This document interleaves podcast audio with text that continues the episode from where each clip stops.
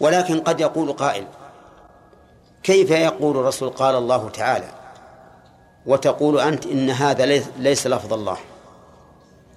فنقول في الجواب عن هذا إن القول قد يضاف إلى القائل وإن كان لم يتكلم به وإنما تكلم بمعناه.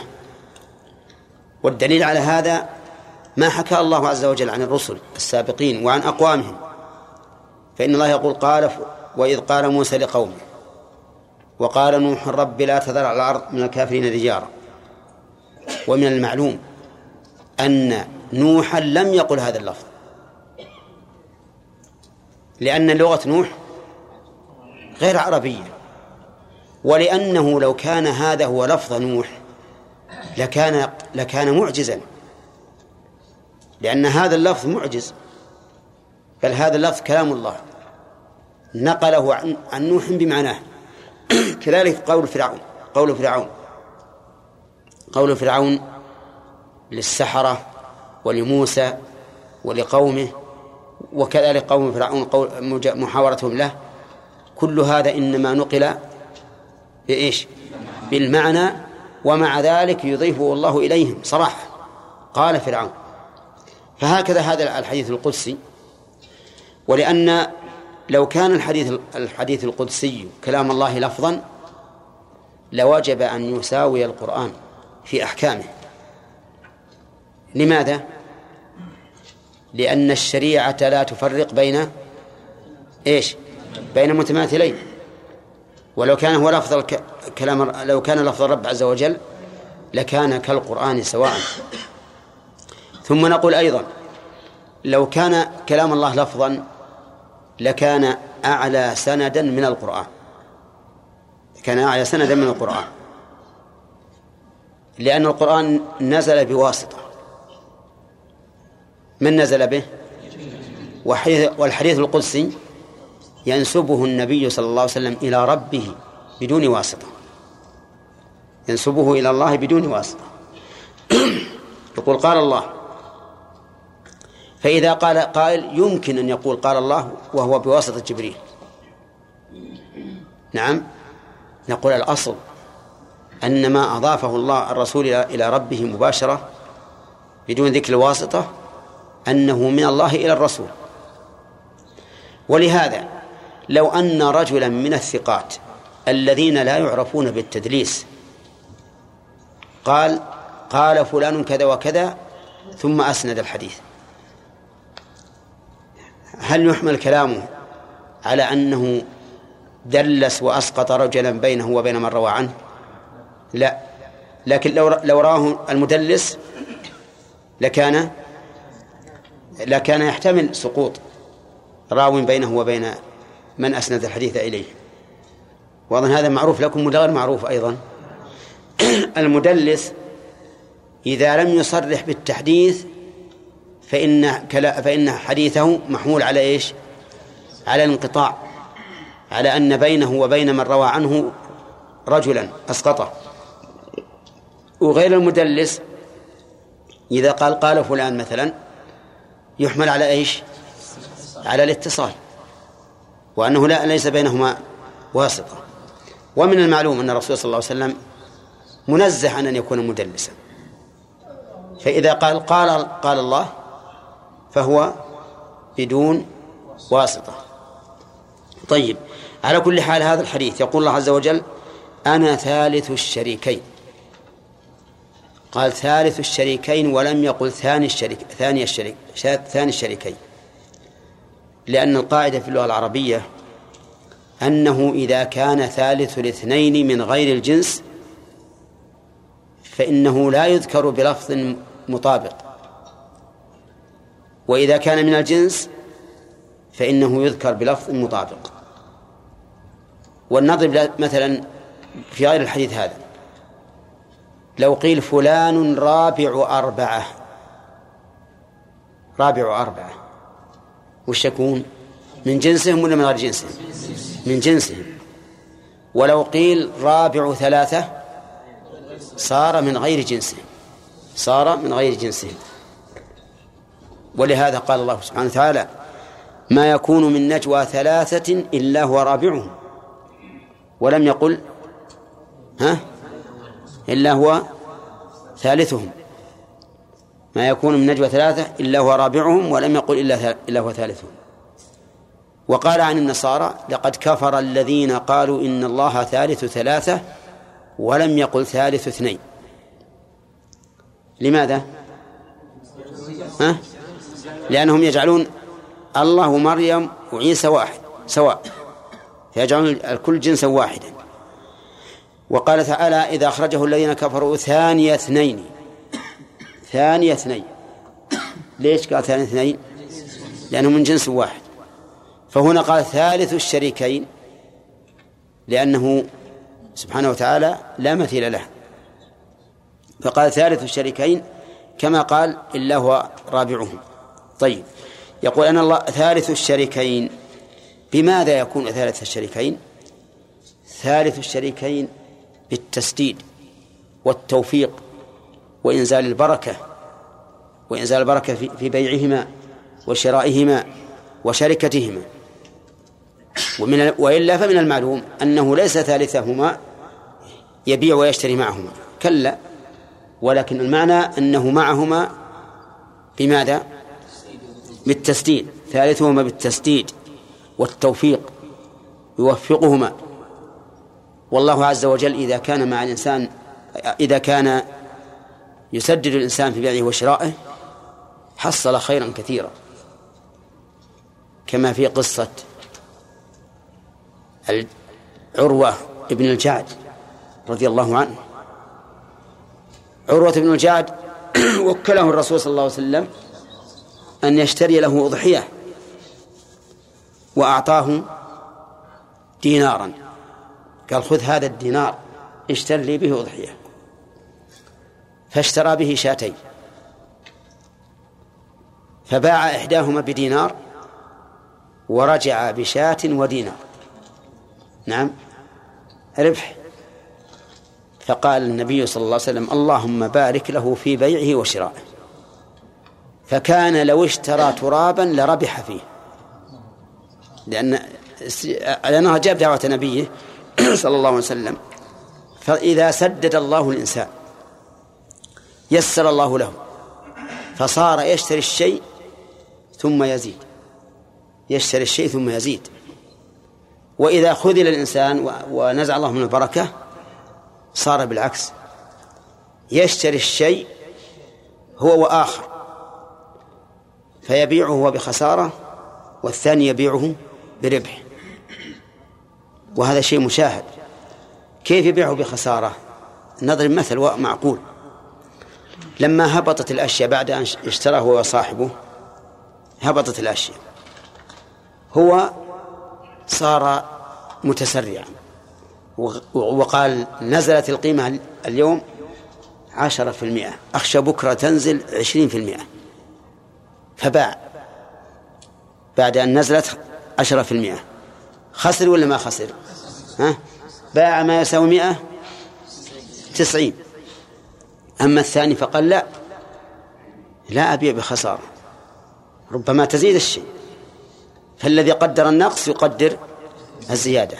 فأبقاه يومين أو ثلاثة فباعه بمائة وعشرة. ربح ولا لا؟ وكلاهما قد اشترايا على حد سواء. فإذا أنزل الله سبحانه وتعالى البركة للإنسان وسدده صار يشتري الشيء فيربح وغيره يشتري فيخسر. طيب إذا الله سبحانه وتعالى يكون ثالث الشريكين. قال ما لم يخن أحدهما صاحبه ما هذه يسمونها مصدرية ظرفية. مصدرية ظرفية. كيف مصدرية ظرفية؟ مصدرية لأنه يحول الفعل بعدها إلى مصدر ظرفية لأنه يقدر قبل المصدر ظرف يقدر ظرف قبل المصدر. طيب. بس المشكلة أن عندنا لم وش نقدره؟ لم نفي. هي بلم نافية نقدرها إما بعدم وإما بانتفاء. فيكون التقدير أنا ثالث الشريكين. مدة انتفاء خيانة أحدهما صاحبه. مدة انتفاء خيانة أحدهما صاحبه. أو مدة عدم خيانة أحدهما صاحبه. أيهما أيهما أحسن عدم ولا انتفاء؟ ها؟ ها؟ انتفاء. لأنه نقول لم نافية. ما نقول لم عدمية؟ نقول لم نافية. فالأحسن المطابق لللفظ أن نقدر إيش؟ انتفاء. طيب ما لم يخن أحدهما صاحبه. ما هي الخيانة؟ الخيانة مخالفة الأمانة. وتكون بعدة أساليب. مثل أن يكتم عنه شيئا من الربح. تربح السلعة عشرة ويقيد الربح تسعة أو خمسة. ومن ذلك ما يفعله بعض الناس الوكلاء للدولة والعياذ بالله. يذهب إلى رأى الدكان ويشتري منه حوائج مشتريات. يقول قيدها بالفاتورة بعشرة وهو لا يعطيه إلا خمسة. أعوذ بالله. خيانة للدولة. الدولة التي يجب عليك النصح لها كما تنصح لنفسك. لأن الدين النصيحة لله ولكتابه ولرسوله ولمن؟ ولأئمة المسلمين. لكن هؤلاء والعياذ بالله لا لا يخافون الله عز وجل. فيتفق مع صاحب الدكان بأن يقيد بالفواتير السلعة بمئة وهي خمسين أو تسعين أو المهم أقل. هذه خيانة. فمثلا إذا اشترى هذا الشريك الشيء بمئة وقال لصاحب الدكان قيده بمئة وعشرين فهذه خيانة. ومن الخيانة أيضا أن لا ينصح في البيع والشراء. أن لا ينصح في البيع والشراء.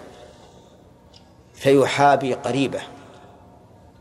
إذا اشترى لمال الشركة من قريبه زاد في الثمن. وإذا باع على قريبه إيش؟ نقص في الثمن. فالمهم أن الخيانة لها يعني صور ما تحصر. فالخيانة يجمعها أو جماعها أن أنها ضد الأمانة. ضد الأمانة في كل شيء. فإذا حصل الخيانة والعياذ بالله. قال فإذا خان خرجت من بينهما.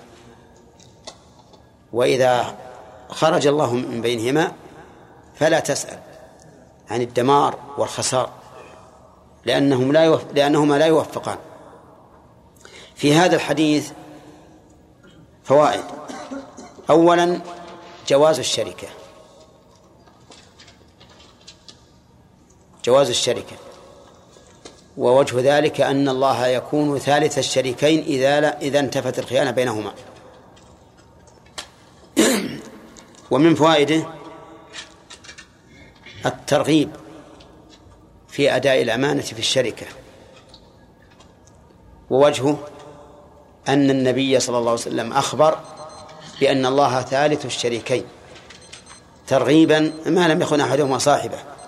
ترغيبا لإيش؟ ها؟ ترغيبا ترغيبا في أداء الأمانة. ومنها ولننظر أنه يم أن الشركة مستحبة. وأنا قلت لكم ولننظر. فهل توافقون على استنباط هذه الفائدة من الحديث؟ ها؟ نعم هي جائزة لا شك. ما طيب لكن لاحظ أن الله يكون ثالثهما إذا لم يكن أحدهما صاحبا. والخيانة واردة ولا منتفية؟ واردة. فالإنسان في الحقيقة إذا شارك فقد خاطر فقد خاطر. لأن المسألة ليس الله يكون ثالثهما مطلقا ثالثهما ما لم يكن أحدهما صاحبه ومن الذي يأمن نفسه من الخيانة؟ هذه المشكلة. ولهذا إن قلنا بأن الشركة مستحبة فيجب أن يكون ذلك بقيد. وهو أمن الإنسان نفسه منين؟ من الخيانة. أمن الإنسان نفسه من الخيانة. ولكن لا شك أن الانفراد أسلم. كون الإنسان ينفرد بماله ولا يشاركه أحد فيه أسلم لأنه يبقى حرا طليقا يتصرف بما شاء في ماله حسب الحدود الشرعية. لكن إذا كان مشاركا مشكل. لا سيما إذا كان شريكه من من البخلاء. لأن أيضا بعض الشركاء يصير بخيل. يقول لا تصرف قرشا واحدا إلا معلما.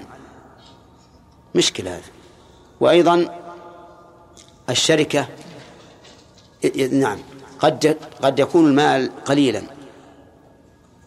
وإذا كان المال قليلا فإن كل واحد من الشريكين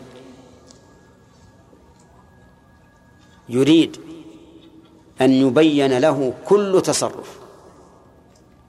صحيح إذا كثر المال هان عند الشريكين تصرف كل واحد بالمال. لكن إذا كان قليلا ولا سيما إن, إن نكبوا بخسارات فلا تسأل.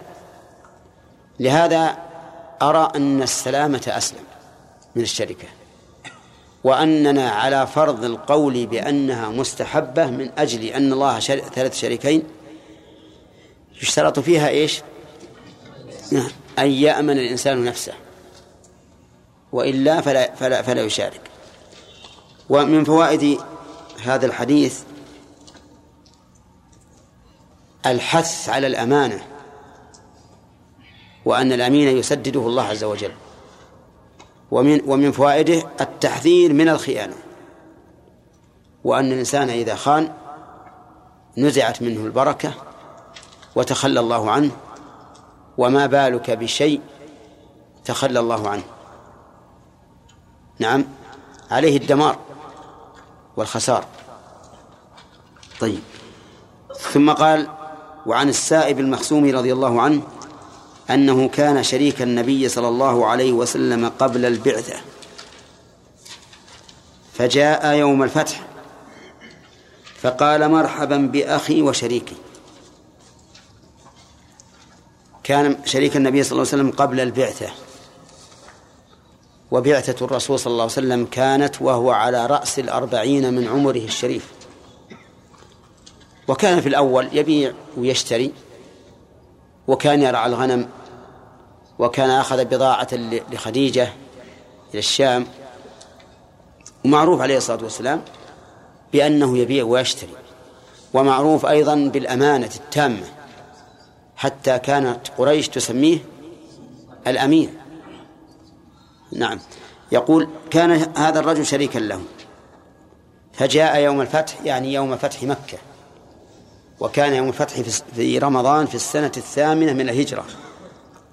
وبقي النبي صلى الله عليه وسلم في مكة تسعة عشر يوما من أجل ترتيبها. وكما تعلمون جميعا أنها أم القرى. تحتاج إلى مدة يبقى فيها الفاتح يدبر ويتصرف. بقي عليه الصلاة والسلام تسعة عشر يوما منها نحو عشرة أيام في مك... في رمضان. والباقي من شوال. وكان لا يصوم يعني لم يصم رمضان. مع أن العشر الأواخر أفضل رمضان ولم يصومها النبي صلى الله عليه وسلم. وكان يصلي ركعتين كل هذه المدة. ويقول يا أهل مكة أتموا فإنا قوم سفر. فأثبت عليه الصلاة والسلام أنهم سفر مع أنهم أقاموا أكثر من من أربعة أيام. ومن المعلوم أن احتمال أن ينقضي التدبير والتصريف لهذه البلد المفتوحة في أقل من أربعة أيام هذا الاحتمال بعيد جدا. يعني لا لا نجزم إحنا على الرسول صلى الله عليه وسلم بشيء لكن حسب الأحوال نجزم بأن الرسول قد نوى أكثر من أربعة أيام. لأن المقام والحال تقتضي ذلك أن يبقى مدة. ومن ثم بقي تسعة عشر يوما يقصر الصلاة. ولم يحد للأمة حدا معينا يقول من من من بقي هذه المدة فقد انقطع حكم السفر في حقه. ما قال هذا؟ بل أطلق الأمر. فما دام الإنسان مسافرا مفارقا وطنه وعنده نية الرجوع إلى الوطن ما متى انتهى شغله؟ فإنه مسافر. حتى إن العلماء رحمهم الله قالوا لو بقي إلى أن يموت أربعين سنة أو خمسين سنة فإنه مسافر. لكنهم اختلفوا.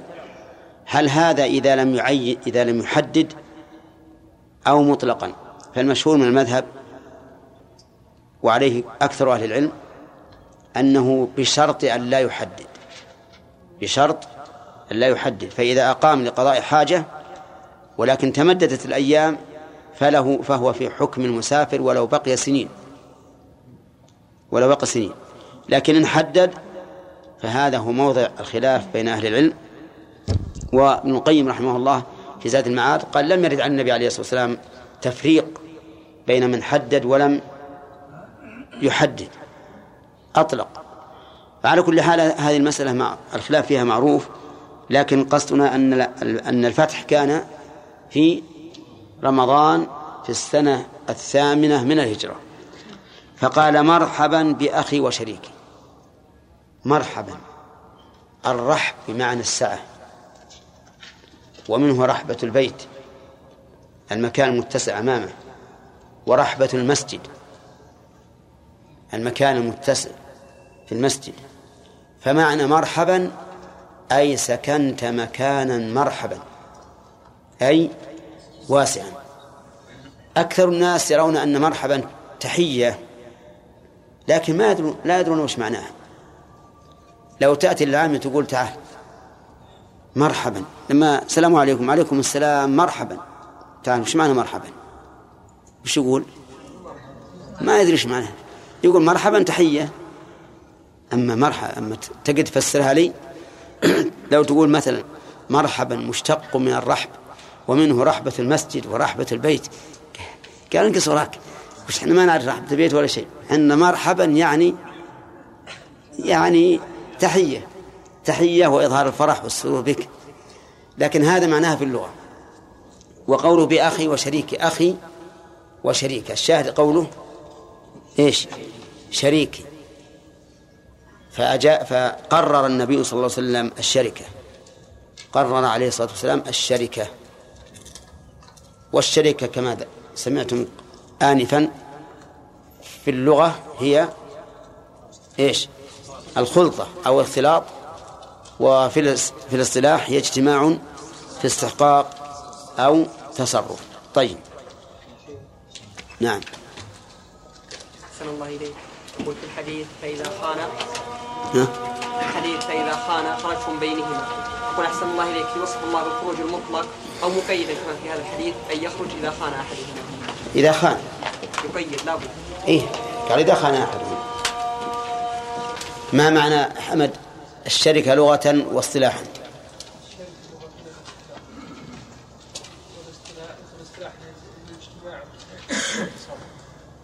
اجتماع في استحقاق أو تصرف. مثال الأول الاستحقاق. الاستحقاق مثل مثل ان يجتمع الابناء في في بيت من تمام. ومنه قوله تعالى فإن كانوا أكثر من ذلك فهم شركاء في الثلث. هذه شركة استحقاق طيب التصرف يا جمال. مثل شبكة المضاربة. يدفع أحدهما مالا ويأخذ يعني ما ما استفيد فيه الشركة بالعقد. نعم. ما استفيدت فيه الشر... الشركة بالعقد. مثل مثل المضاربة كالمضاربة. طيب.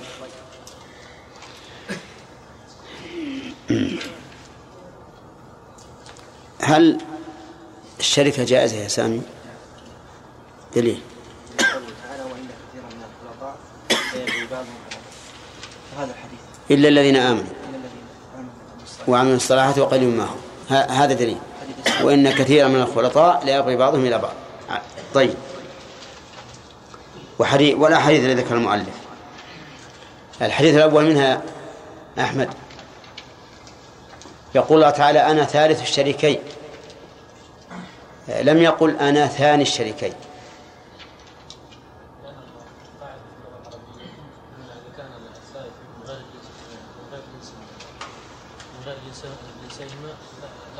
إذا كان متمم العدد من غير الجنس. نعم. طيب. تستطيع أن تأتي بمثال من القرآن لهذا؟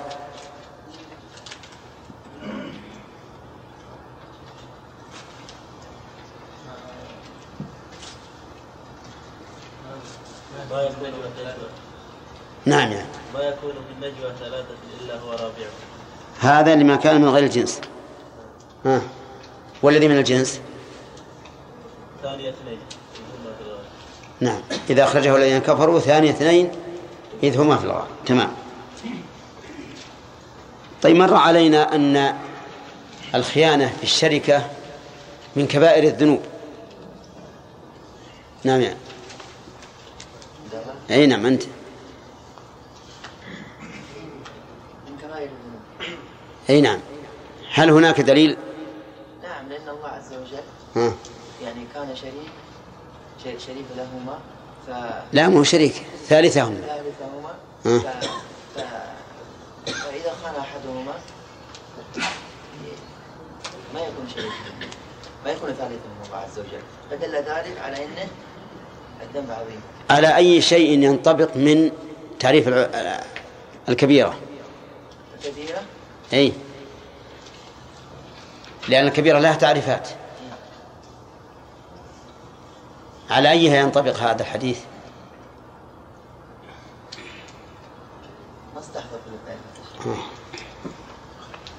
نعم. يلا يا أخي. اللي وراك يا بندر من؟ لا الثاني اللي وراك بعد. محمد نعم.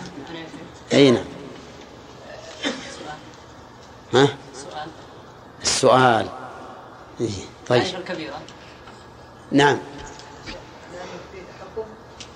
مقرون بعقوبة نعم.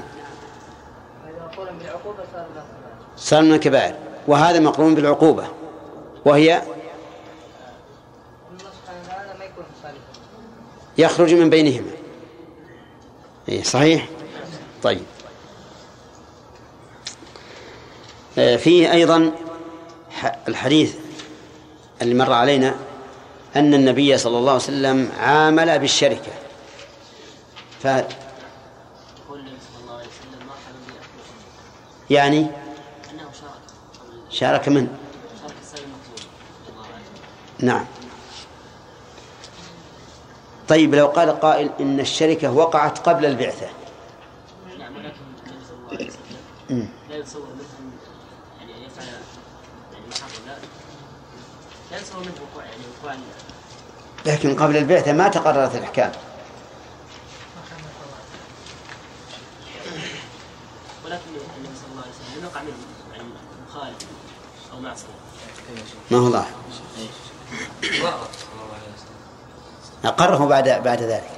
هنا. لا جاوب بعد- يوم الفتح. فقال مرحبا بأخي وشريكي. فصار إقرارا. طيب. مر علينا أنه ينبغي الترحيب بالقادم. الترحيب هو كلمة مرحب. لا أقول مر علينا ينبغي الترحيب بالقادم. ما أريد شرح الترحيب. في قول الرسول صلى الله عليه وسلم مرحبا بأخي وشريكي بقول مرحبا بأخي وشريكي هل لهذا شاهد من السنة؟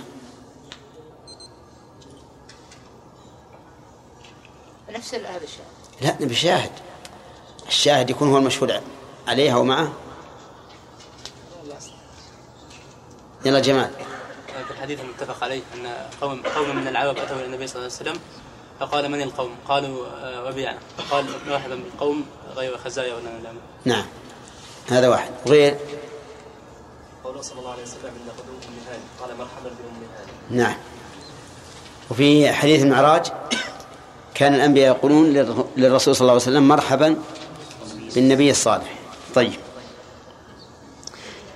أخذنا الحديث الثالث ولا لا؟ الثاني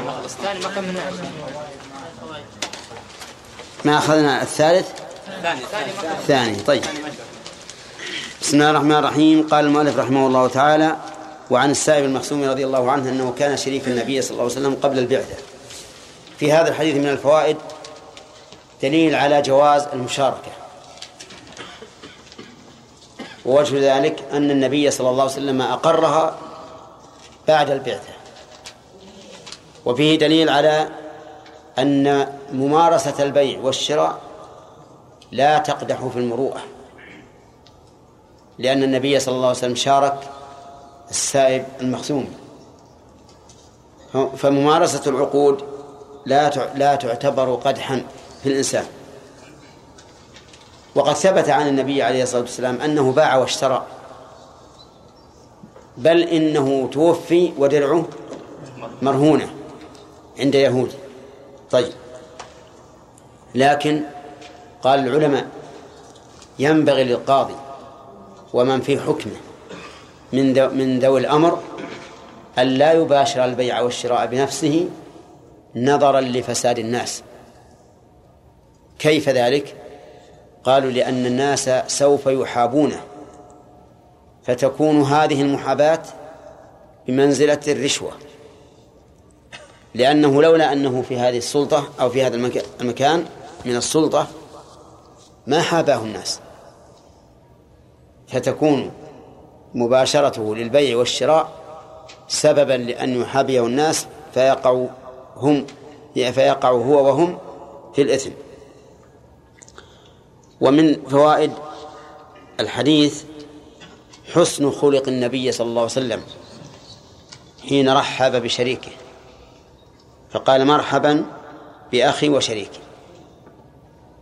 وهكذا ينبغي الإنسان إذا عامل شخصا أن يقابله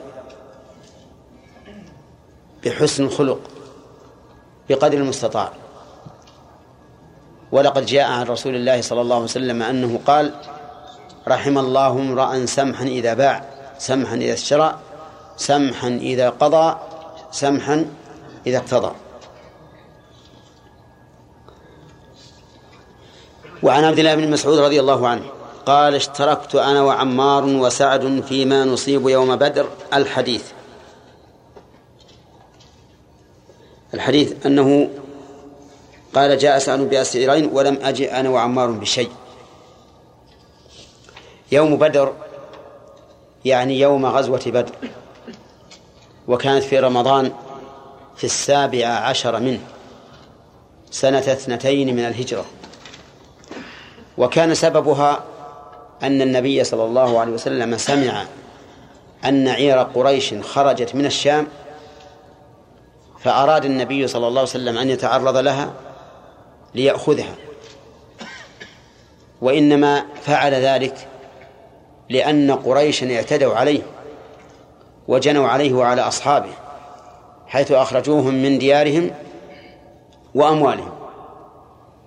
ولم يكن بينه وبينهم عهد فكانت أموالهم بالنسبة له حلالا له من أجل عدوانهم وعدم المعاهدة بينهم وبينه. فخرج إلى العير بنحو ثلاثمائة وبضعة عشر رجلا. لا يريد قتالا. وكان معه سبعون بعيرا وفرسان يتعاقبون على هذه الرواحل. فلما سمعت فأرسل أبو سفيان وكان أمير العير إلى قريش يستنجدهم. لما سمع بما أراد النبي صلى الله عليه وسلم. ثم سلك طريق الساحل بعيدا عن المدينة لينجو بعيره. فلما بلغ قريشا ما أراد النبي صلى الله عليه وسلم واستصراخ أبي سفيان إياهم اجتمعوا برؤسائهم لأمر أراده الله عز وجل. فجمع الله بينهم وبين رسوله صلى الله عليه وسلم على غير ميعاد. وحصل في هذه الغزوة من النصر المبين لرسول الله صلى الله عليه وسلم وأصحابه ما أعز الله به جنده وخذل به أعداءه وقتل من صناديدهم من قتل وسحب منهم أربعة وعشرون رجلا. من كبرائهم وألقوا في قليب من قلوب بدر جيفا منتنة. فوقف النبي صلى الله عليه وسلم عليهم بعد ثلاث ثلاثة أيام من انتهاء الغزوة من انتهاء المعركة وجعل يدعوهم بأسمائهم وأسماء آبائهم. يا فلان ابن فلان هل وجدتم ما وعد ربكم حقا؟ فإني وجدت ما وعد ربي حقا. فقالوا يا رسول الله كيف تكلم قوما جيفوا قال ما أنتم بأسمع لما أقول منهم ولكنهم لا يجيبون. هذه الغزوة كانت قبل أن تفرض الأنفال وتبين فكانت لله ورسوله. فكان النبي عليه الصلاة والسلام يعطي منها من اقتضت المصلحة إعطاءه فاجتمع فاجتمع الناس كل ينفله الرسول صلى الله عليه وسلم ما شاء مما يرى أنه من الحكمة. اشترك من جملة ما كان من النفل الأسرى. الأسرى لأنه أسر من قريش سبعون رجلا وقتل منهم سبعون رجلا. يقول عبد الله يقول عبد الله بن مسعود أنه اشترك هو وعمار وسعد فيما يصيبون يوم بدر. فأصابوا فأصابوا أسرى جاء سعد بأسيرين ولم يأتي مسعود ولا عمار بشيء. وبناء على عقد الشركة يكون الأسيران بينهم أثلاثا. لكل واحد ثلثا أسير. أليس كذلك؟ طيب.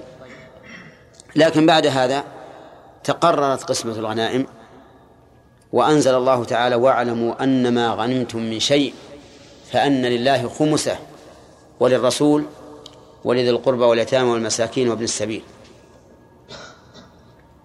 فصارت الغنيمة تقسم خمسة أقسام. أربعة منها للغانمين وواحد لهؤلاء الخمسة لله والرسول وذي القربى واليتامى والمساكين وابن السبيل. واستقر الأمر على ذلك إلى اليوم وإلى يوم القيامة. أن الغنيمة تقسم خمسة أقسام.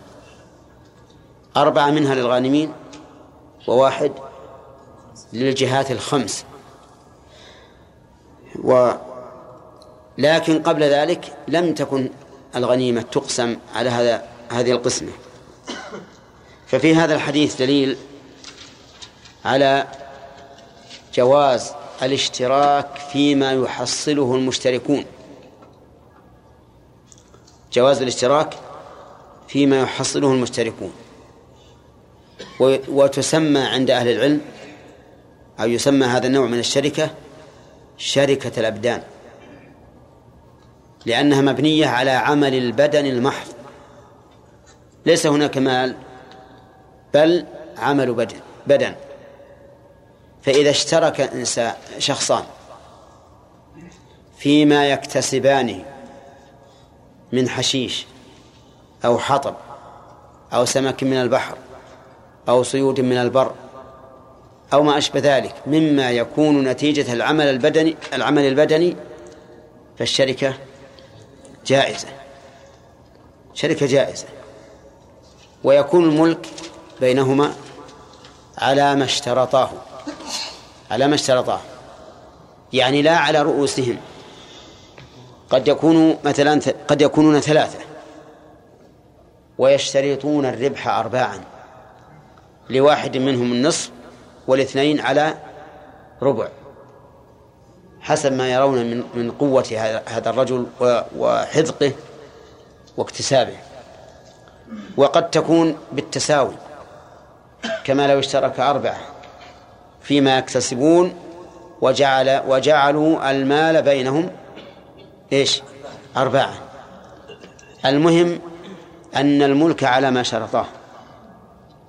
لأن هذا عقد يرجع أمره إلى العاقد فإذا قلنا بنشترك في في الاحتطاب نجمع حطبا ونبيعه وما رزق الله فهو بيننا.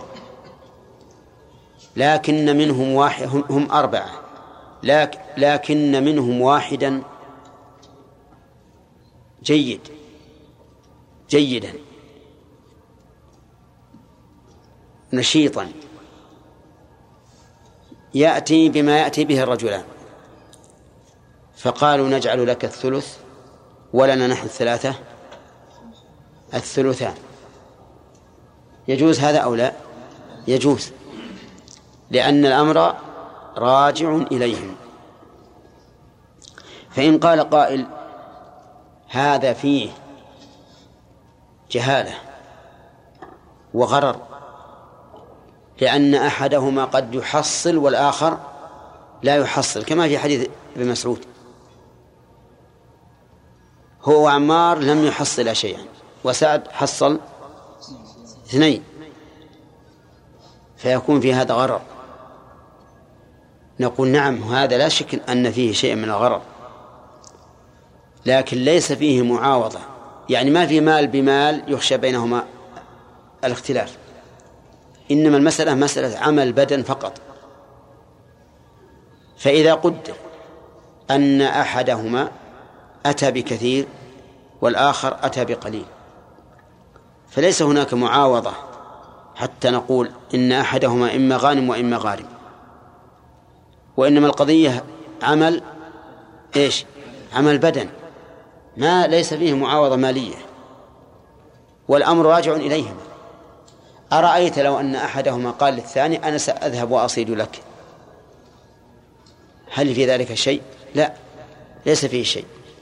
فنقول هذه الشركة جائزة وتسمى شركة الأبدان ومنها شركة الصنائع. يعني من هذا النوع من الشركة شركة الصنائع. يشترك رجلان صانعان في عمل كأبواب الحديد مثلا أو المواصيل أو ما أشبه ذلك. يجوز هذا أو لا يجوز؟ يجوز. لو اشترك اثنان في في صنعة على أن يعمل وما رزق الله فهو بينهما فهو جائز. واختلف العلماء. هل تجوز شركة الصنائع مع اختلاف الصنعة؟ بأن يكون أحدهما حدادا والثاني نجارا. على قولين. فمنهم من قال بالجواز. لأن الغاية واحدة وهي الاكتساب.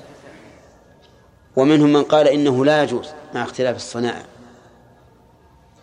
لأن الحداد ربما يكون إنتاجه أكثر بكثير من من من الخشاب يعني النجار أو بالعكس بخلاف ما إذا كان مشتركين في الصنعة فإن الغالب أنهما متقاربان أو متساويان.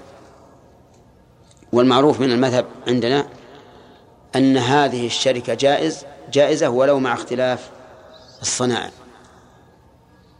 لأن الغاية هي الربح بهذه الصنعة وهي حاصلة سواء مع اتفاق الصنائع أو اختلافها. طيب لو اشترك شخصان أحدهما في الاصطياد من البر والثاني في الاصطياد من البحر يعني أحدهما يغوص ويأتي بالحوت والثاني يذهب إلى رؤوس الجبال وبطون الأودية ويأتي بالصيود. واشتركا على أن بينهما على أن ما يكتسبان فبينهما. فالحكم الجواز. الحكم جواز. مع أنه قد يأتي صاحب البحر بسمك كثير وصاحب البر لا يأتي إلا بشيء قليل. لا يأتي إلا بطير واحد أو أو اثنين. أو يكون العكس. يأتي صاحب البر بصيود كثيرة وصاحب البحر لا يأتي إلا بقليل. المهم أن هذا جائز ولا بأس به. وعن جابر بن عبد الله رضي الله عنهما قال أردت الخروج إلى خيبر. نعم الفوائد الفوائد جواز الاشتراك فيما يكتسبه الرجلان من أسرى أو صيود أو احتطاب أو حشيش أو غير ذلك مما يكون تكون الوسيلة فيه فيه العمل البدني المحض ومنها ساعة الشريعة. ساعة الشريعة. وذلك بتنويع موارد الرزق. لأن الإنسان ربما لا يكتسب إذا كان وحده وإذا كان له شريك اكتسب ونشط على العمل. ومنها أن اكتساب المال بالطرق المباحة المباحة جائز. لأن هذا النوع لا شك أن بعضهم يساعد بعضا. وأنهم ربما يتسابقون أيهم أكثر إنتاجا وعملا. طيب وهل نجوز؟ ومن هل نقول ومنها جواز الاشتراك في الأسرى؟ لا. لا لأنه بعد استقرار تقسيم الغنيمة صار الأسرى أمرهم إلى الإمام. أمرهم إلى الإمام لا إلى المجاهدين المجاهدين. نعم لو اشتركوا فيما يجعله الإمام من النفل فلا بأس. مثل أن يقول الإمام من قتل قتيلا فله ما عليه من السلاح. هذا جائز. لأن فيه تشجيعا على قتل الأعداء وهو نوع اكتساب. فإذا قال الإمام أو قائد الجيش إذا قال من قتل قتيلا فله ما عليه من السلاح واشترك اثنان فيما يكتسبانه من هذا الوجه فهو جائز. كما اشترك عبد الله بن مسعود وعمار وسعد فيما يحصل من الأسرار.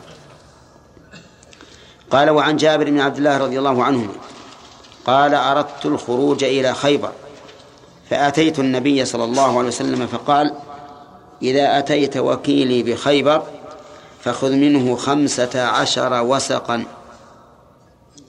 وسقا. رواه أبو داود وصححه.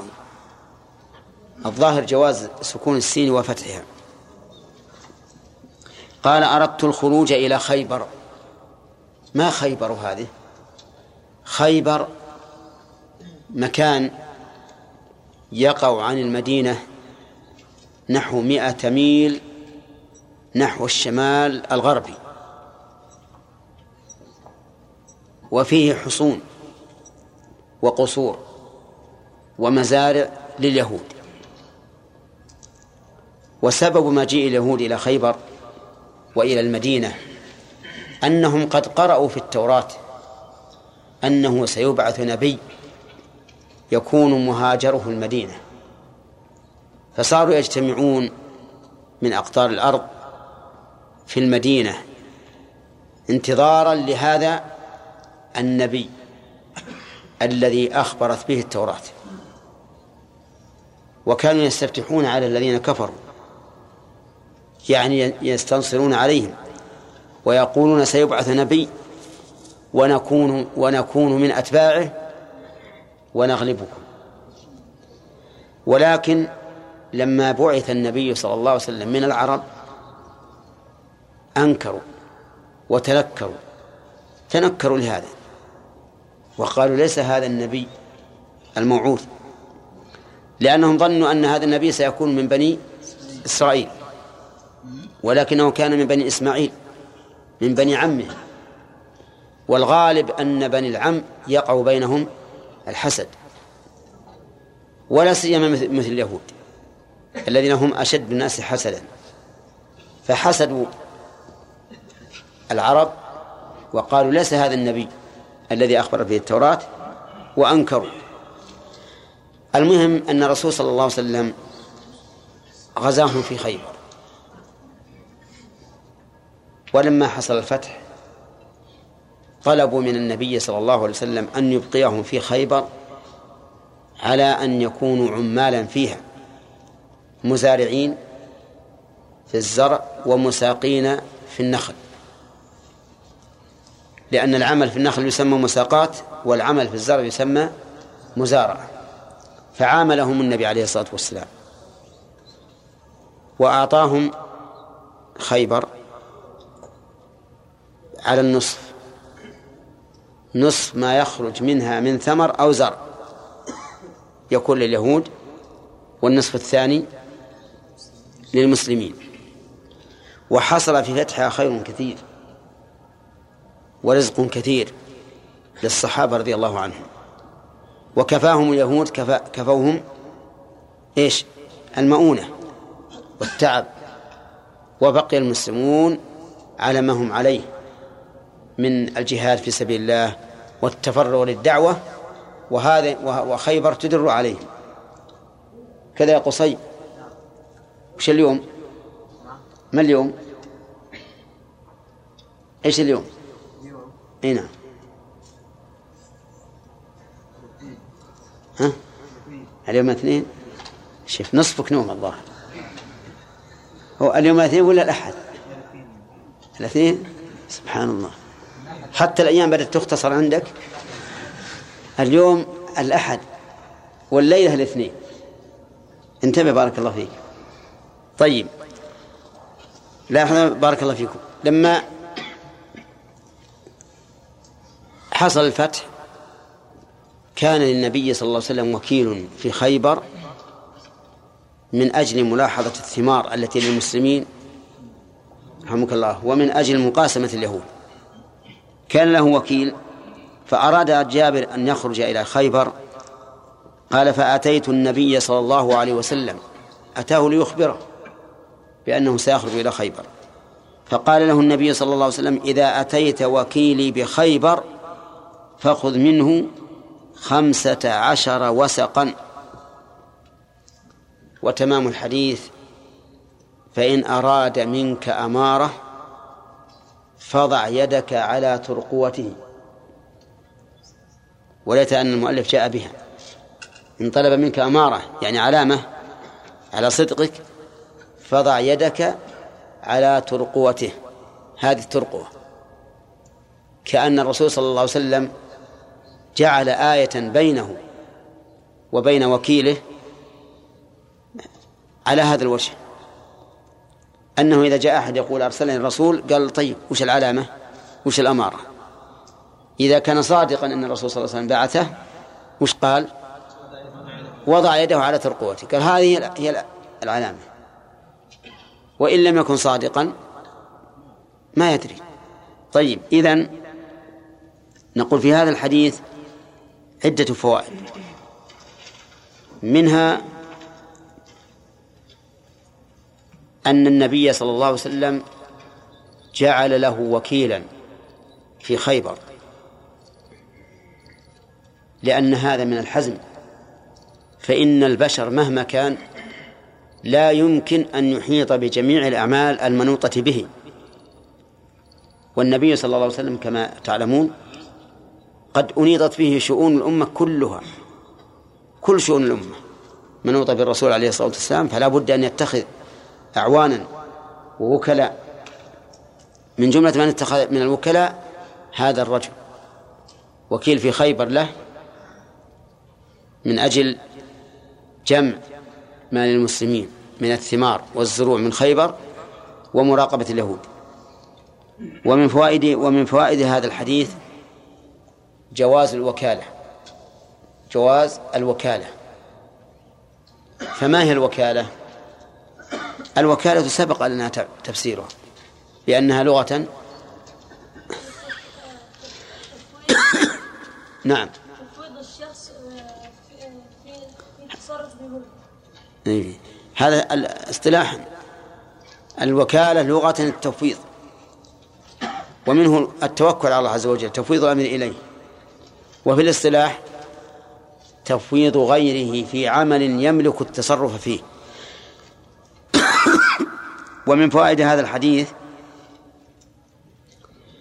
أن الصحابة رضي الله عنهم إذا أرادوا أمرا ولا سيما ولا سيما في فيما يتعلق بشؤون المسلمين العامة أخبروا النبي صلى الله عليه وسلم. لأن جابرا أخبر رسول الله صلى الله عليه وسلم على أنه يحتمل أن جابرا إنما أخبر النبي صلى الله عليه وسلم من أجل أن يأمر له بشيء. ومن فوائد هذا الحديث آه، جواز إعطاء الإمام. ما يعطي من الرعية على حسب ما يرى أنه مصلحة. ولا يلزمه أن يسوي الناس في هذا. بل الواجب أن يعدل بين الناس.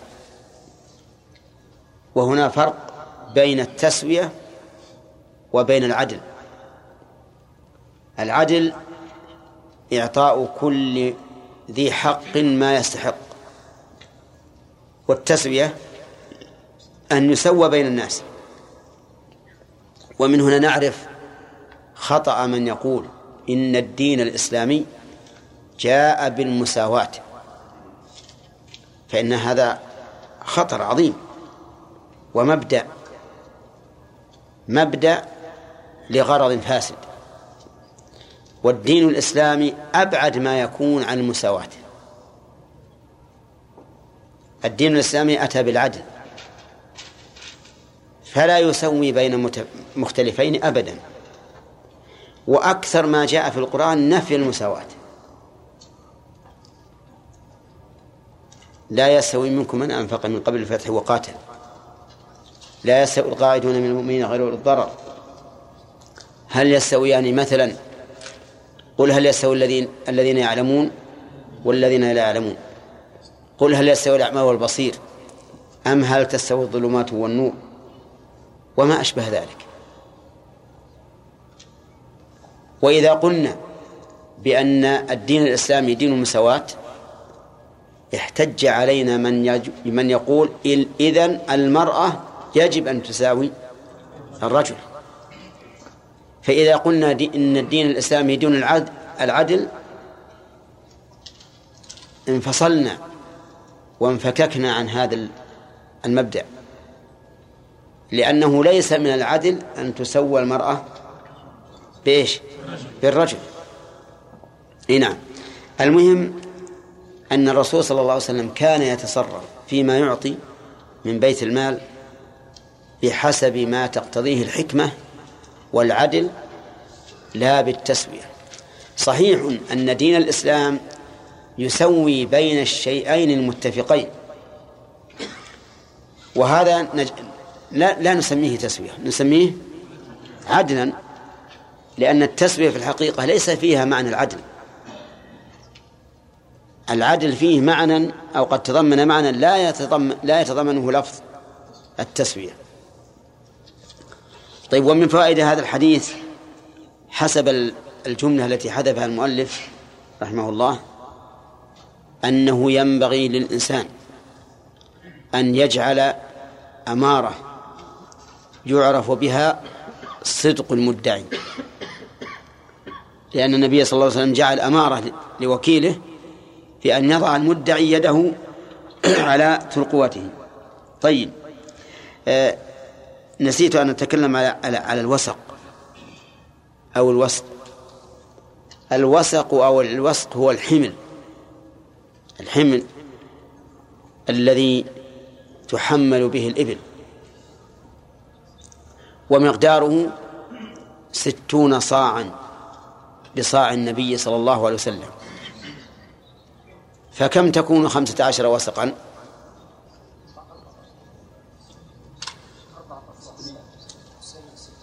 الوسق ستون صاعا وهذا خمسة عشر وسقا ها؟ تسعمائة إيش؟ تسعمائة صاع.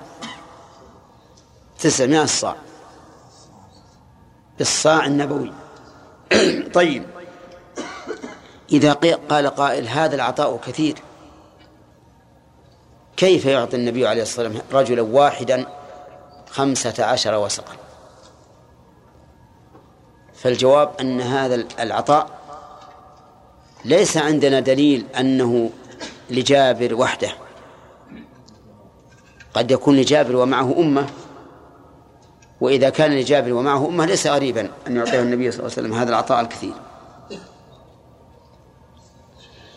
طيب. نعم.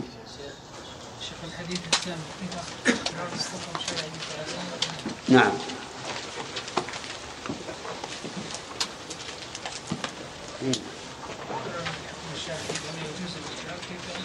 نعم. ما تقول في هذا الإشكال ها؟ يقول أقررنا حكما شرعيا بفعل الصحابي. يعني وكان يقول فعل الصحابي ليس بحجة.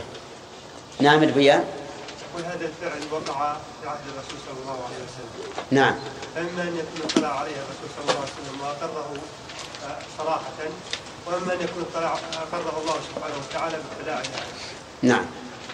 صحيح. كل فعل وقع في عهد الرسول عليه الصلاة والسلام وأقره الرسول أو أقره الله فإنه حق. وقد ذكرنا هذا في كتابنا الأصول المختصر. وقلنا إن إن كان النبي صلى الله عليه وسلم قد علم فقد أقره ويكون مرفوعا صريحا. وإن كان لم يعلم به فقد أقره الله لأن الله قد علم به ويكون مرفوعا حكما. نعم. أصحابه ومن تبعهم بإحسان إلى يوم الدين. من أنواع الشركة عند أهل العلم شركة الأبدان. فما هي وما دليلها؟ عبد الرحمن. الأبدان هي أن يشترك شخصان فأكثر فيما يصيبان بأبدانهما. اشترك شخصان فأكثر فيما يكتسبانه بأبدانهم. من غير مال. من غير مال نعم. طيب. ودليلها حديث عبد الله بن مسعود رضي الله عنه أنه قال اشتركت أنا وسعد وعمار أنا اشتركت أنا وعمار وسعد فيما نصيب يوم بدر. يعني من المغانم. طيب تمام. طيب. من أدلة جواز الوكالة ما ذكره المؤلف في حديث جابر. ما هو يا أحمد أن الرسول أن أن الرسول صلى الله عليه وسلم قال إذا أتيت وكيلي في خيبر ف- فأثبت أن له وكيل في خيبر. طيب. ما هي الوكالة؟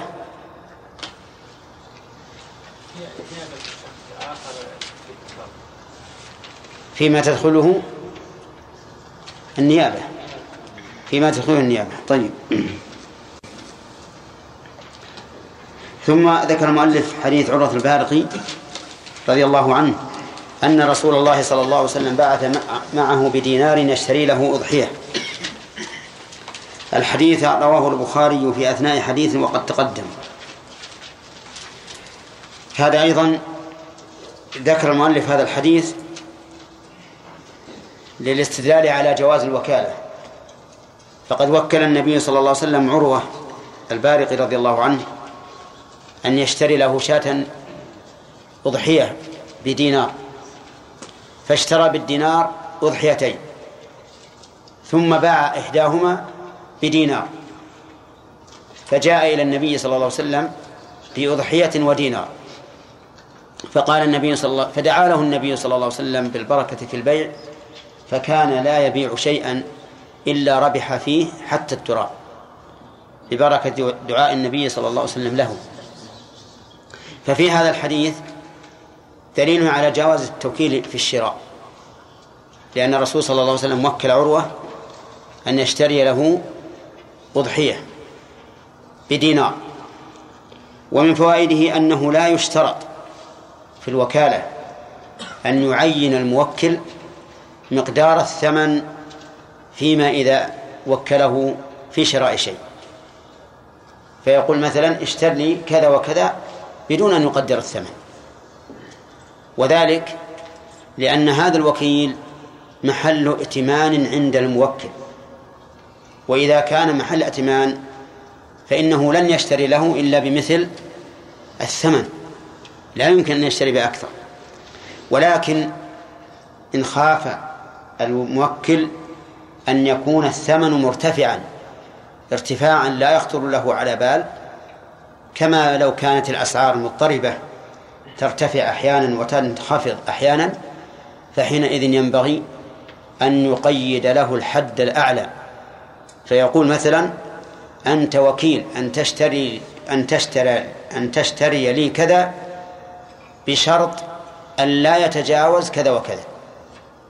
مثاله يقول وكلتك أن تشتري شاة أضحي بها بشرط أن لا تتجاوز خمسمائة ريال. أما إذا كانت الأسعار ثابتة راكدة فإنه لا حاجة إلى تقدير الثمن فيما إذا وكله أن يشتري له. كذلك لو وكله أن يبيع له. قال خذ هذا الثوب فبعه. فإنه لا يشترط أن يبين له مقدار الثمن الذي يبيعه به. لماذا؟ لأنه قد ائتمنه. وإذا كان قد ائتمنه فلا يمكن أن يبيع بأقل من ثمن المثل. لكن لو خاف أن يبيعه بنقص. فحين فحينئذ يحدد الحد الأدنى. فيقول بيعه على أن لا ينقص الثمن عن كذا وكذا حتى لا يقع في مشكلة فيما بعد. لأن قد أوكله أن يبيع لي هذا الثوب وكنت أقدر أن يبيعه بعشرة ثم يأتيني بخمسة ويقول بعته بخمسة. هذا مشكل قد يشكل علي وقد اتهم الوكيل. فإذا خفت من أن ينقص عما في عما في ضميري فلي أن بل فينبغي أن أحدد الثمن. وفي الحديث دليل على مشروعية الأضحية لأن الرسول صلى الله عليه وسلم وكله أن يشتري له أضحية والأمر كذلك. وقد ضحى رسول الله صلى الله عليه وسلم في المدينة من حين قدم ولم يتخلف عن الأضحية إلا في حجة الوداع. لأنه لما حج أهدى ولم يضحي. ولهذا لا يشرع للحاج أن يضحي اكتفاء بالهدي. ومن فوائد بقية الحديث الذي لم يذكره المؤلف هنا أنه يجوز للوكيل أن يتصرف فيما هو أحظ للموكل بعد وإن لم يستأذن منه لكن بشرط أن يحافظ على ما وكل فيه. دليله أن عروة اشترى بالدينار كم؟ شاتين. ثم باع إحداهما بدينار فرجع بشاة ودينار. وهذا ما يسمى عند أهل العلم بتصرف الفضول. هل هو جائز ونافذ أو لا؟ والصحيح أنه جائز نافذ إذا أجازه من تصرف له فيه. أما إذا لم يجزه فإنه يرد ووجه ذلك أنه إذا أجازه فإنه حق آدمي رضي به فأجيز. أما إذا أما إذا لم يجزه فإن المتصرف تصرف فيما ليس له فيه حق. مثال ذلك لنفرض أني أعلم أنك سوف تبيع سيارتك مثلا. أعلم هذا أنك سوف تبيع السيارة. فجاء شخص وقال من هي له هذه السيارة؟ أنا أريد أن أشتريها. فبعتها عليه أنا بعتها عليه بدون أن أستأذن منك وبدون أن توكلني. ثم بعد ذلك أخبرتك بأنني بعتها. فقلت لا بأس. أنا قد أجزتك. فهل يصح بيعي أو لا يصح؟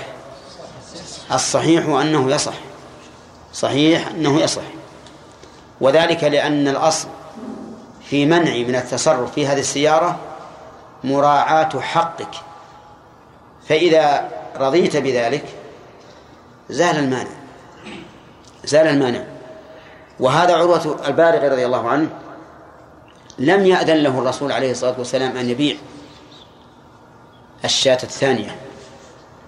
لم يب... لم يأذن له.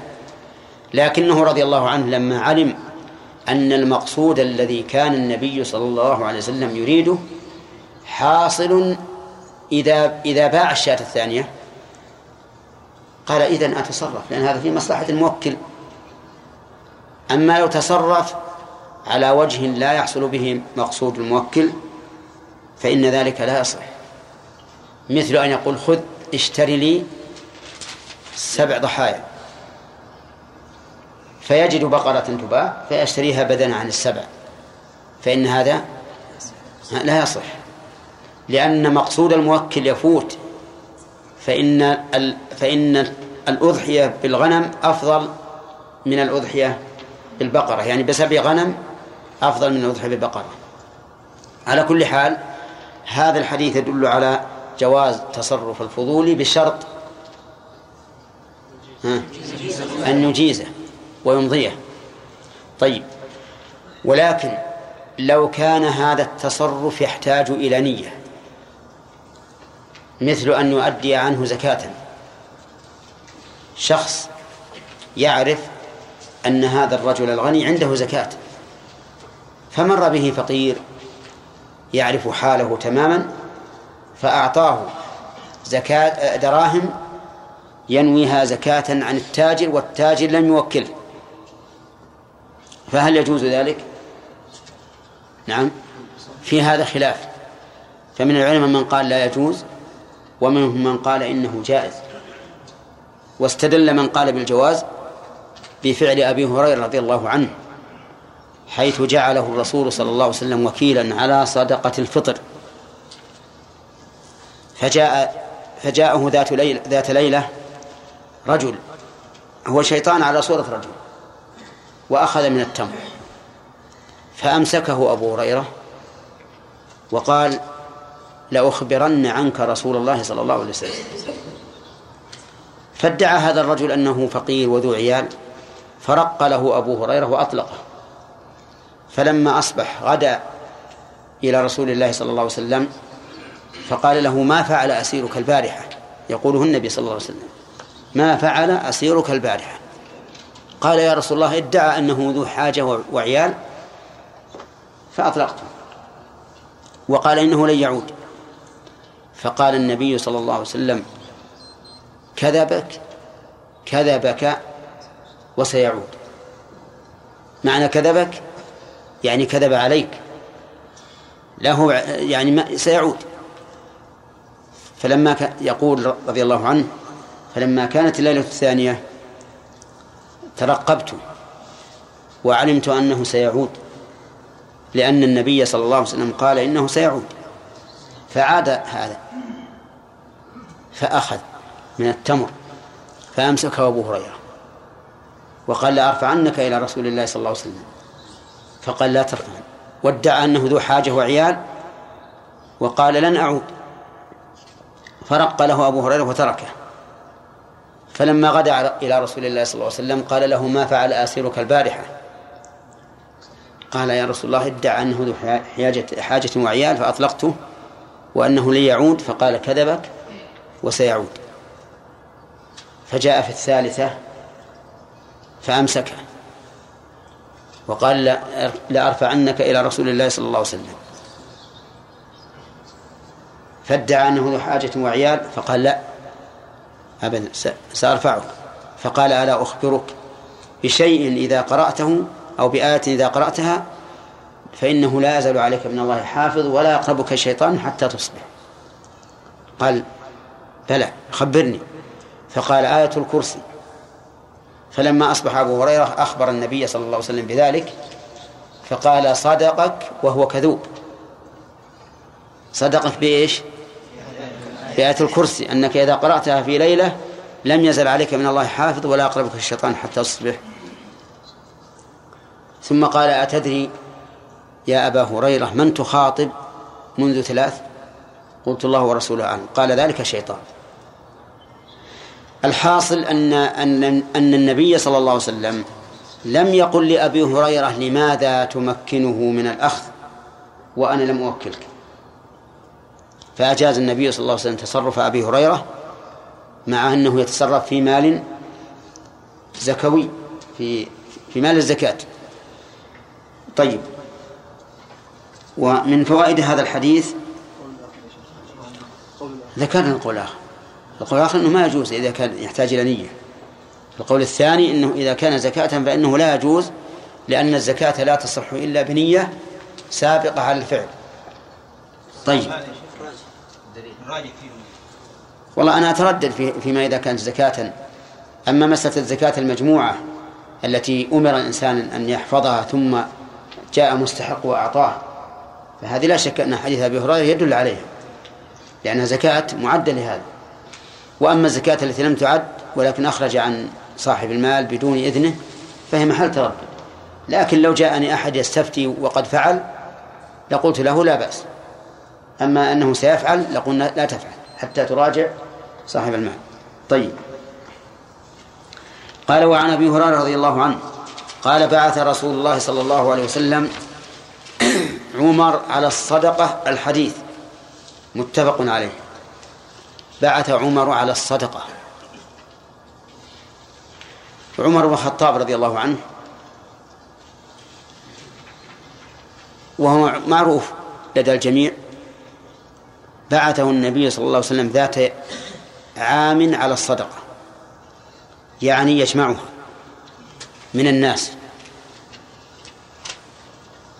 فدل هذا على جواز التوكيل في قبض الزكاة وأنه يجوز لولي الأمر أن يوكل من يقبض الزكاة من أهلها وإذا قبضها العامل من أهلها فإنها تبرأ بذلك ذممهم.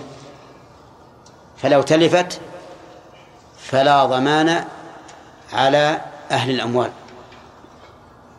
انتبهوا يا جماعة لو فرض مثلا الإنسان أخذ الصدقة من قبل الحكومة من أهلها ثم تلفت مثل أن تكون بعيرا فندت أو دراهم فاحترقت أو ما أشبه ذلك. فإن أهل الزكاة الذين دافعوها لا يضمنونها لأن ذممهم برئت بإيش؟ باستلام وكيل ولي الأمر. ولكن هل يضمن هذا الوكيل العامل؟ هل يضمن أو لا؟ إن تعدى أو فرط ضمن وإن لم يتعدى ولم يفرط فلا ضمان.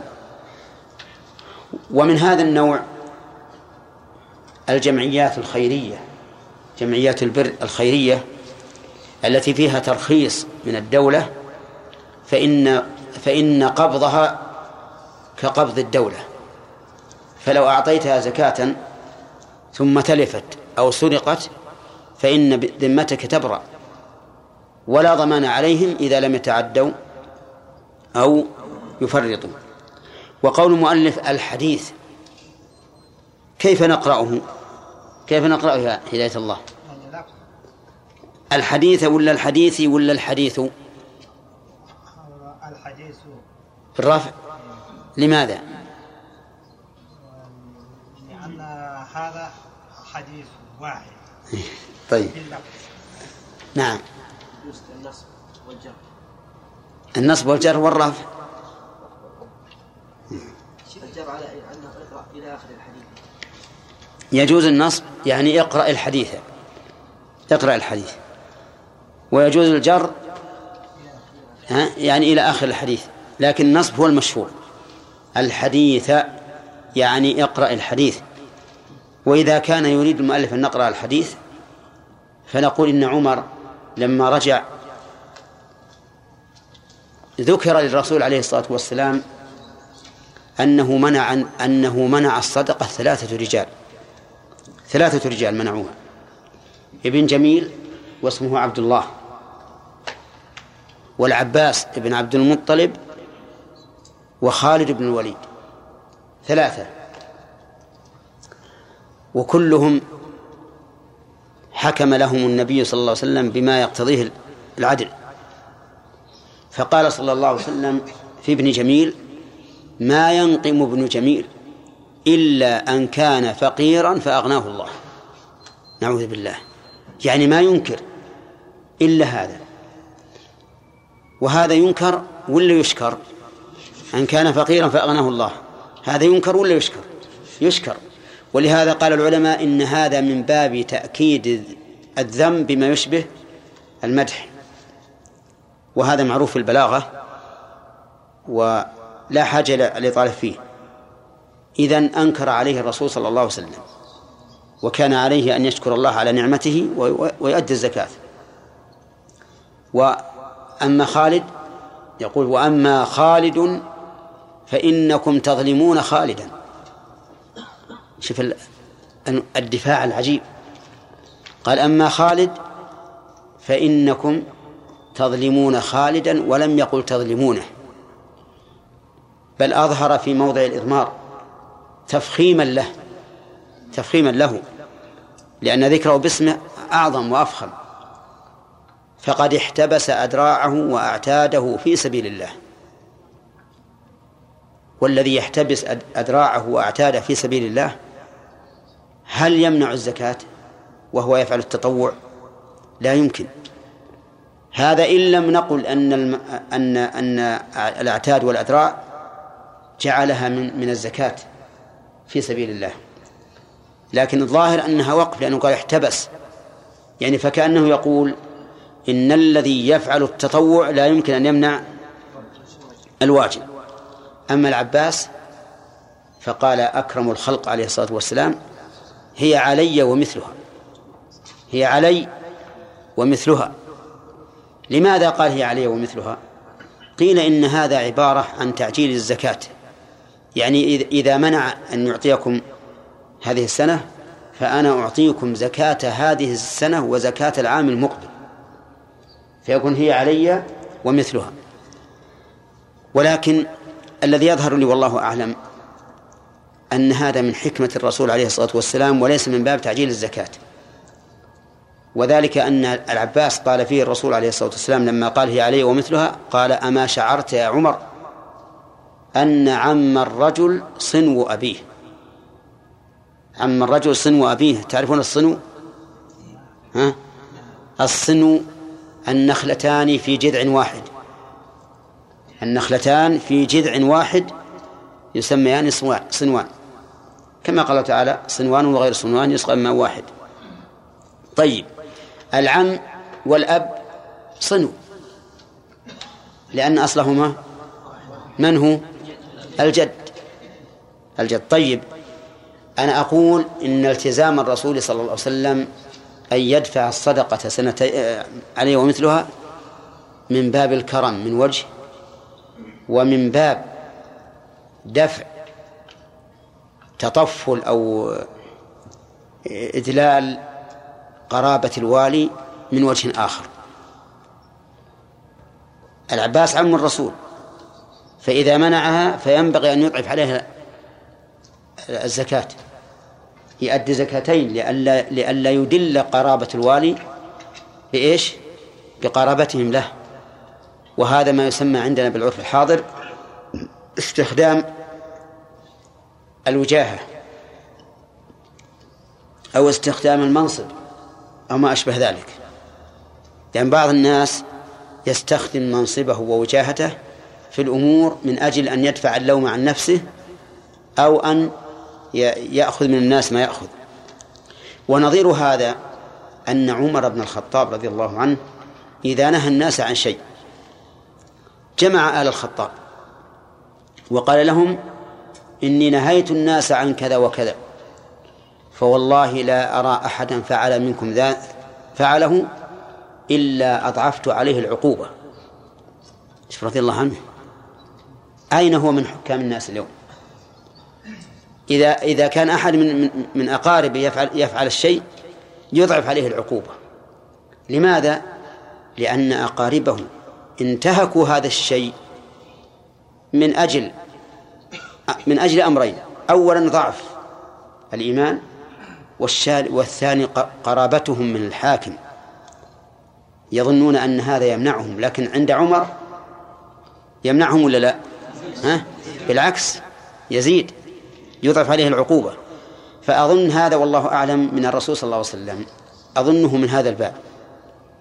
أي أنه لما كان العباس منع من أجل قرابة من الرسول كأنه يقول أنا قريب الرسول ما علي زكاة ولا يمكن تأخذون مني أنتم. نعم. أراد الرسول عليه الصلاة والسلام أن يجعل هذا شيء أن يجعل في هذا شيئا من التأديب. ويضعف عليه الزكاة. الشاهد من هذا الحديث ما هو؟ جواز توكيل الإمام من يقبض الزكاة من أهلها. طيب. وهل يجوز أن يوكل من يفرقها في أهلها؟ نعم. الجواب نعم. الجواب نعم. وسيأتينا في الحديث الذي بعده. عن جابر رضي الله عنه أن النبي صلى الله عليه وسلم نحر ثلاثا وستين وأمر عليا رضي الله عنه أن يذبح الباقي الحديث رواه مسلم. اختصر المؤلف الحديث اختصارا مخلا جدا لأن ما ندري أين هذه الواقعة أين كانت. ولكن نظرا لأنه سبق في كتاب الحج. من هذا الكتاب؟ كأنه اعتمد على ذلك. حديث جابر هذا هو حديثه الطويل في صفة الحج الذي يعتبر أصلا للمناسك لأن جابر رضي الله عنه ذكر حج النبي صلى الله عليه وسلم منذ خرج من المدينة إلى أن حل يوم النحر. في في حج الرسول صلى الله عليه وسلم أهدى رسول الله صلى الله عليه وسلم مئة بعير. مئة بعير. عن كم شاة؟ عن سبعمائة شاة. مع أنه عليه الصلاة والسلام حاله المادية ضعيفة جدا. مات ودرعه مرهون عند يهودي. والناس الآن يسألون عن نسك الإفراد. ليش؟ لأن ما في هدي. يقول نبي نسك ما علينا هدي. ولو كان التمتع أفضل. لا هذا هذا ما في هدي. وهذا النبي صلى الله عليه وسلم أهدى في حجة الوداع مئة ناقة. عن سبعمائة شاة. ولما كان يوم العيد ورمى الجمرة ذهب إلى المنحر فنحر ثلاثا وستين بيده الكريمة. هذا مع المعاناة والتعب والمجيء على الإبل والشمس والرمي. نحر ثلاث وستين. وأعطى علي بن أبي طالب البقية ينحرها وهي سبعة وثلاثون. سبع وثلاثون بعيرا. ها؟ سبعة وعشرين؟ سبعة وثلاثين.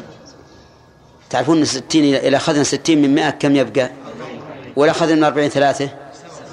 يبقى سبعة وثلاثين. نعم حتى العدد ما تعرفونه. طيب. المهم آه، أعطى علي بن أبي طالب رضي الله عنه فنحر الباقي. وأمره أن يتصدق بجلودها.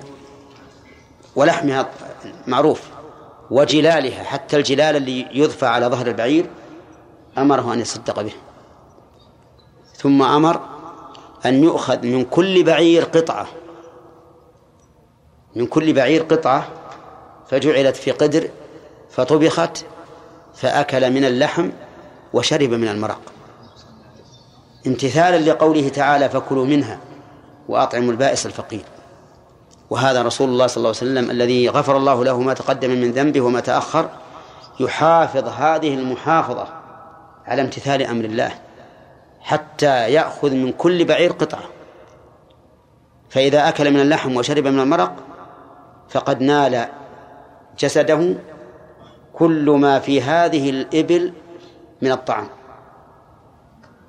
نسأل الله أن يعيننا إذا رأينا أنفسنا وإذا الإنسان يتهاون بالأوامر ويتكاسل وخذ هذه الدراهم عطى شركة الراجح خلهم يذبحون عنك.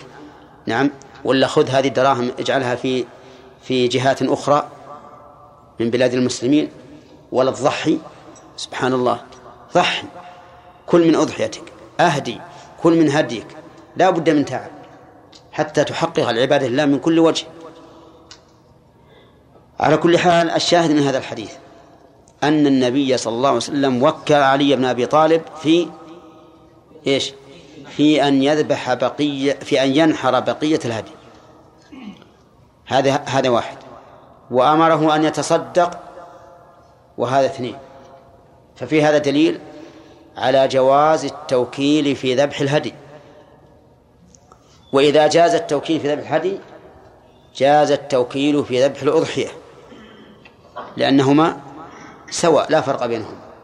وكذلك إذا جاز التوكيل في تفريق لحم الهدي جاز التفريق في تفريق جاز التوكيل في تفريق لحم الأضحية.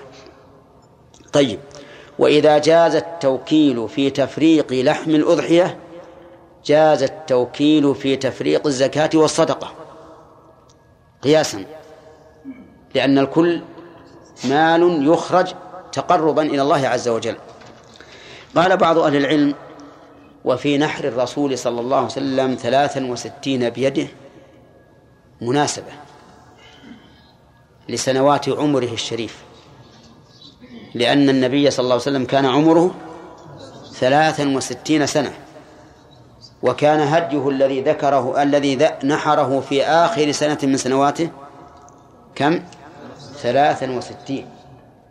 فتطابق هذا العدد مع عدد سنواته والله أعلم. هل هذا أمر مقصود أو أنه أمر جاء على سبيل المصادفة؟ وعن أبي هريرة رضي الله عنه في قصة العسيف قال النبي صلى الله عليه وسلم اغدوا واغدوا يا أنيس على امرأة